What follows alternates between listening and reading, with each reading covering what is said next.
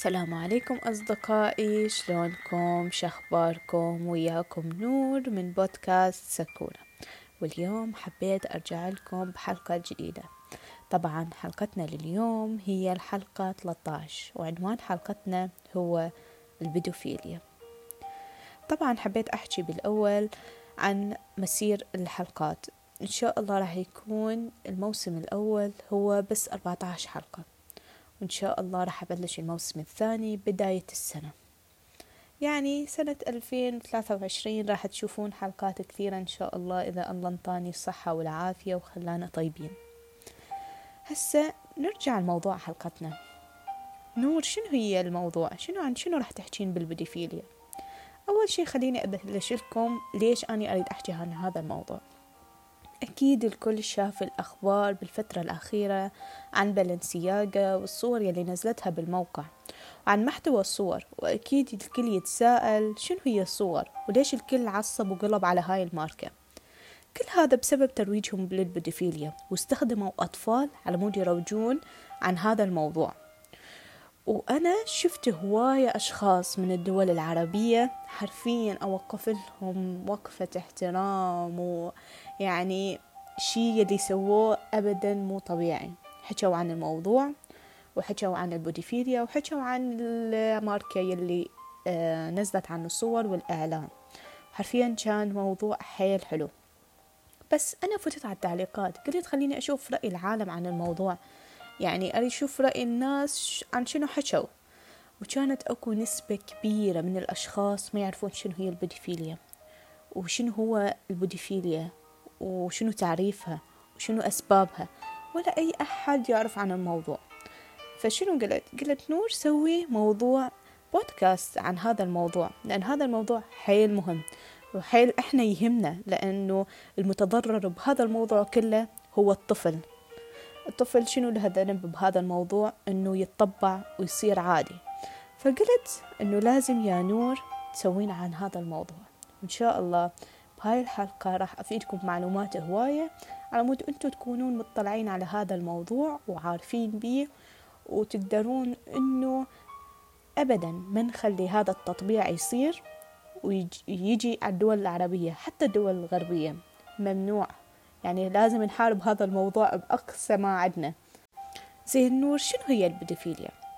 البيدوفيليا أو يسموها بعض الأشخاص باسم الغلمانية. وهو تحرش جنسي بالأطفال أو الاعتداء الجنسي على الطفل وأنه يكون الشخص البالغ يستخدم الطفل لإشباع رغباته الجنسية ويعتبر التحرش الجنسي من أخطر الجرائم اللي انتشرت عندنا إن كان بالدول العربية أو الدول الأجنبية وهو نوع من الاستغلال الجنسي ويعتبر أنه اتصال بين الطفل والشخص البالغ على مود يرضي بها رغباته الجنسية طبعا بالقوة والسيطرة عليه وتشمل أساليب التعذيب أو الاغتصاب للطفل.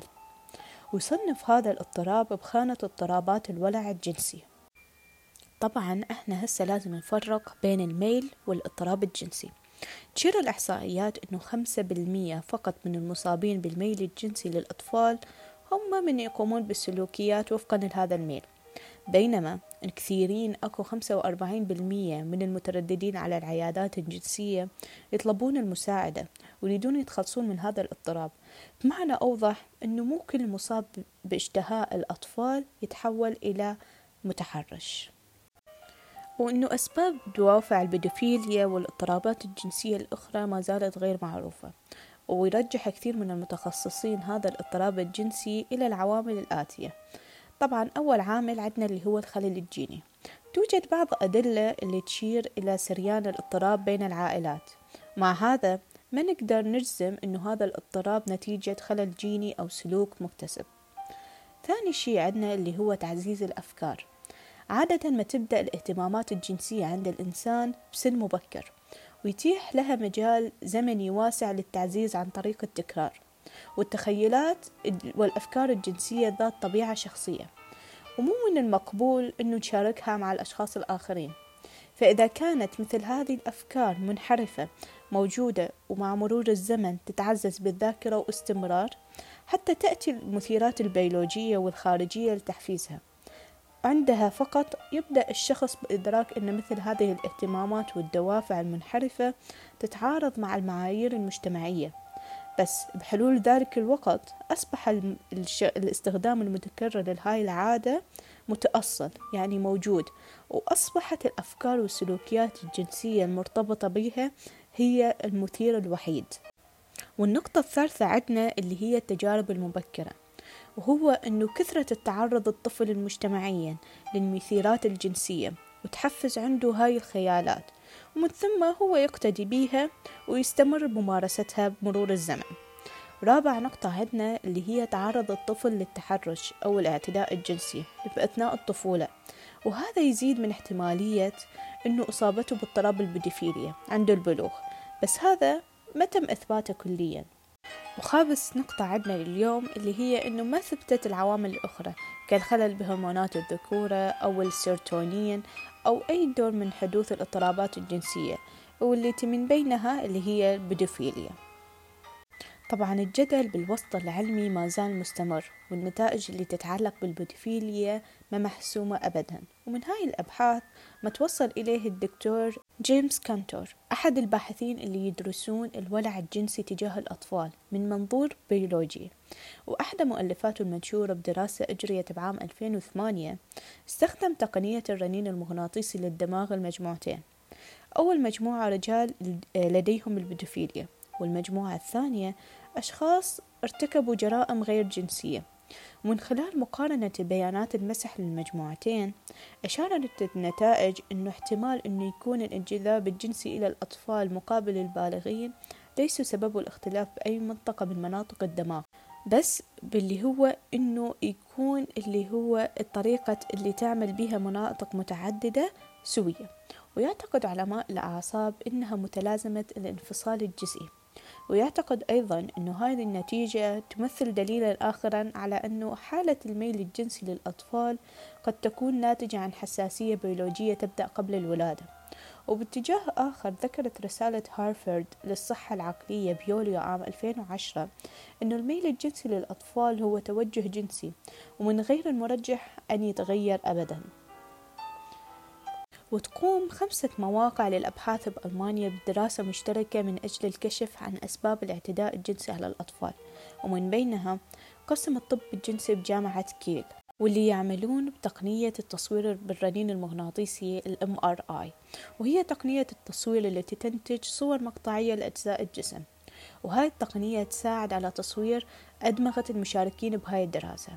تعتمد الدراسة على استخدام التصوير بالرنين المغناطيسي لمعرفة أسباب الاعتداء الجنسي على الأطفال وهي طريقة تستخدم بشكل متزايد في مجال الطب الجنسي.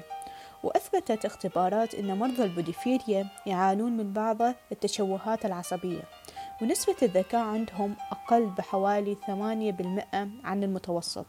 وحسب الطبيب النفسي جورخي بونيستي ليضيف أنه من المثير للاهتمام أيضا أن عمر الضحية له علاقة مع نسبة الذكاء عند الجاني.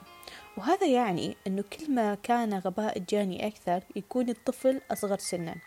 وأنه هناك همين أدلة على أنه المولعين بالأطفال يكونون أقصر من متوسط حجم السكان. وهمين وجدوا باحثين كنديين أن المولعين بالأطفال تعرضوا لضعف عدد إصابات بالرأس بمرحلة الطفولة بالمقارنة مع غيرهم من الأطفال. وأكو هواية ناس ما يعرفون أنه الاعتداء الجنسي على الأطفال يصنف بالطب الجنسي كاضطراب عقلي وبالتالي كمرض. وهذا صحيح فقط إذا كان ذلك يتسبب بضرر شخصي أو للآخر. وحسب نظام التصنيف النفسي الأمريكي الجديد تصنف البيدوفيليا كاضطراب عقلي عندما يكون الشخص ذو التوجه الجنسي يعيش هاي الرغبة أو على الأقل يعاني بسببها. وعلى حد تعبير جورخي بونستي اللي يضيف أنه إذا كان لديه هذا الميل فقط دون أن يصبح الجاني فيمكن الحديث عنه على أنه مجرد ميول جنسي. وتؤكد اختبارات الدماغ التي أجراها الباحثون وجود علاقة بين الدماغ والبيدوفيليا إلا أن الباحثين بحاجة إلى اختبارات إضافية لمعرفة المزيد عن هذه الظاهرة. وذلك من شأنه أنه يساعد بعلاج مرضى البيدوفيليا. وإنقاذ عدد كبير من الأطفال من الاعتداء عليهم. ويقولون أنه يقدر الشخص المصاب يعرف ميوله الجنسية تجاه الأطفال عند البلوغ وقد يكون هذا الاضطراب مستمر مدى الحياة أو تقل حدته مع الوقت. وتوجد النسبة الكبيرة من المصابين بمرضى البوديفيليا هم الرجال من بنسبة من ثلاثة إلى خمسة بالمية من عدد النساء. وهيج نستنتج أنه عدد الرجال المصابين بمرض البوديفيليا أكثر من النساء. طبعا عندنا اللي هو أنه خطر البوديفيليا أبدا مو بعيد عنا وإذا استمر الحال على هذه الوتيرة وتصاعدت الأصوات المطالبة بالمساواة البوديفيليا مع بقية أفراد المجتمع ادعوت أنه ترسيخ حرياتهم وتعزيز الحقوق الأطفال وتمكين الشباب إن بعدين ما نقدر نستبعد أنه نجد المجتمعات الغربية بيوم من الأيام يزوجون رجل من طفل. أبدا ما نستبعدها. ولقيت خلال بحثي آه أنه أكو مجال أو وسائل على مود يطبعون مسألة البوديفيليا وهي بس عبارة عن أربع خطوات. وهي حرفيا هسه قاعدة تصير بوقتنا الحالي هاي الأربع خطوات. أول شي شفت المكتوب أنه الخطوة الأولى يكسرون اللي هو التابو الاجتماعي عبر الحديث عن البوديفيليا سلبيا أو إيجابيا بشكل علني ومفتوح أمام الجماهير ووسائل الإعلام ووسائل التواصل الاجتماعي. الخطوة الثانية اللي هو أنه ينزعون الصفات السلبية عن البوديفيليا وتبرأة البوديفيليا من أي طعن أو خلل يوجه إليها. من أجل إزالة أي اتهام أخلاقي عن المتحرشين بالأطفال وتحويلهم من مجرمين إلى ضحايا لجذب التعاطف اتجاههم. بعدين تجينا الخطوة الثالثة اللي هي خطوة إثبات أن البوديفيليا هو بشر كالبقية ويستحق نفس الحقوق والكرامة والمساواة. وأخيرا ننتهي بالخطوة الرابعة اللي هو أنه وضع البوديفيليا دستوريا وقانونيا لتصبح إعاقة البوديفيليا شكل من أشكال الرجعية وتكميم الأفواه وتعطيل مسيرة التقدم والحرية. أنا قاعد نشوف شفت خبر من الأخبار على التويتر إنه أكو يمكن رئيسة ما أدري شنو بأمريكا قالت إنه البوديفيليا أو الأشخاص المصابين بالبوديفيليا هم ليسوا مجرمين. عادي أشخاص نفسنا نفسهم. والصراحة هذا الشيء لازم نحاربه بشكل يعني بكل الأشكال. لأنه إحنا قاعد نحط الأطفال موضع خطر. إن كان إحنا أطفالي بالمستقبل أو أطفالكم أو أطفال العالم كلها إحنا لازم نحافظ على الأطفال. وهذا الشيء أبدا أبدا أبدا مو مقبول. أي شخص عنده مشكلة أو يحب هذا الشيء بالأطفال لازم يروح يتعالج قبل ما تتفاقم المشكلة وتصير شغلات هواية سيئة. وطبعا أتمنى أنه عجبتكم هاي الحلقة وقدمت لكم معلومات وشغلات حلوة وفائدة. ولا تنسون تدعموني على كل مواقع التواصل الاجتماعي كلها نفس الاسم ساكورا بودكاست. وأتمنى لكم يوم حلو جميل وسعيد ومع السلامة.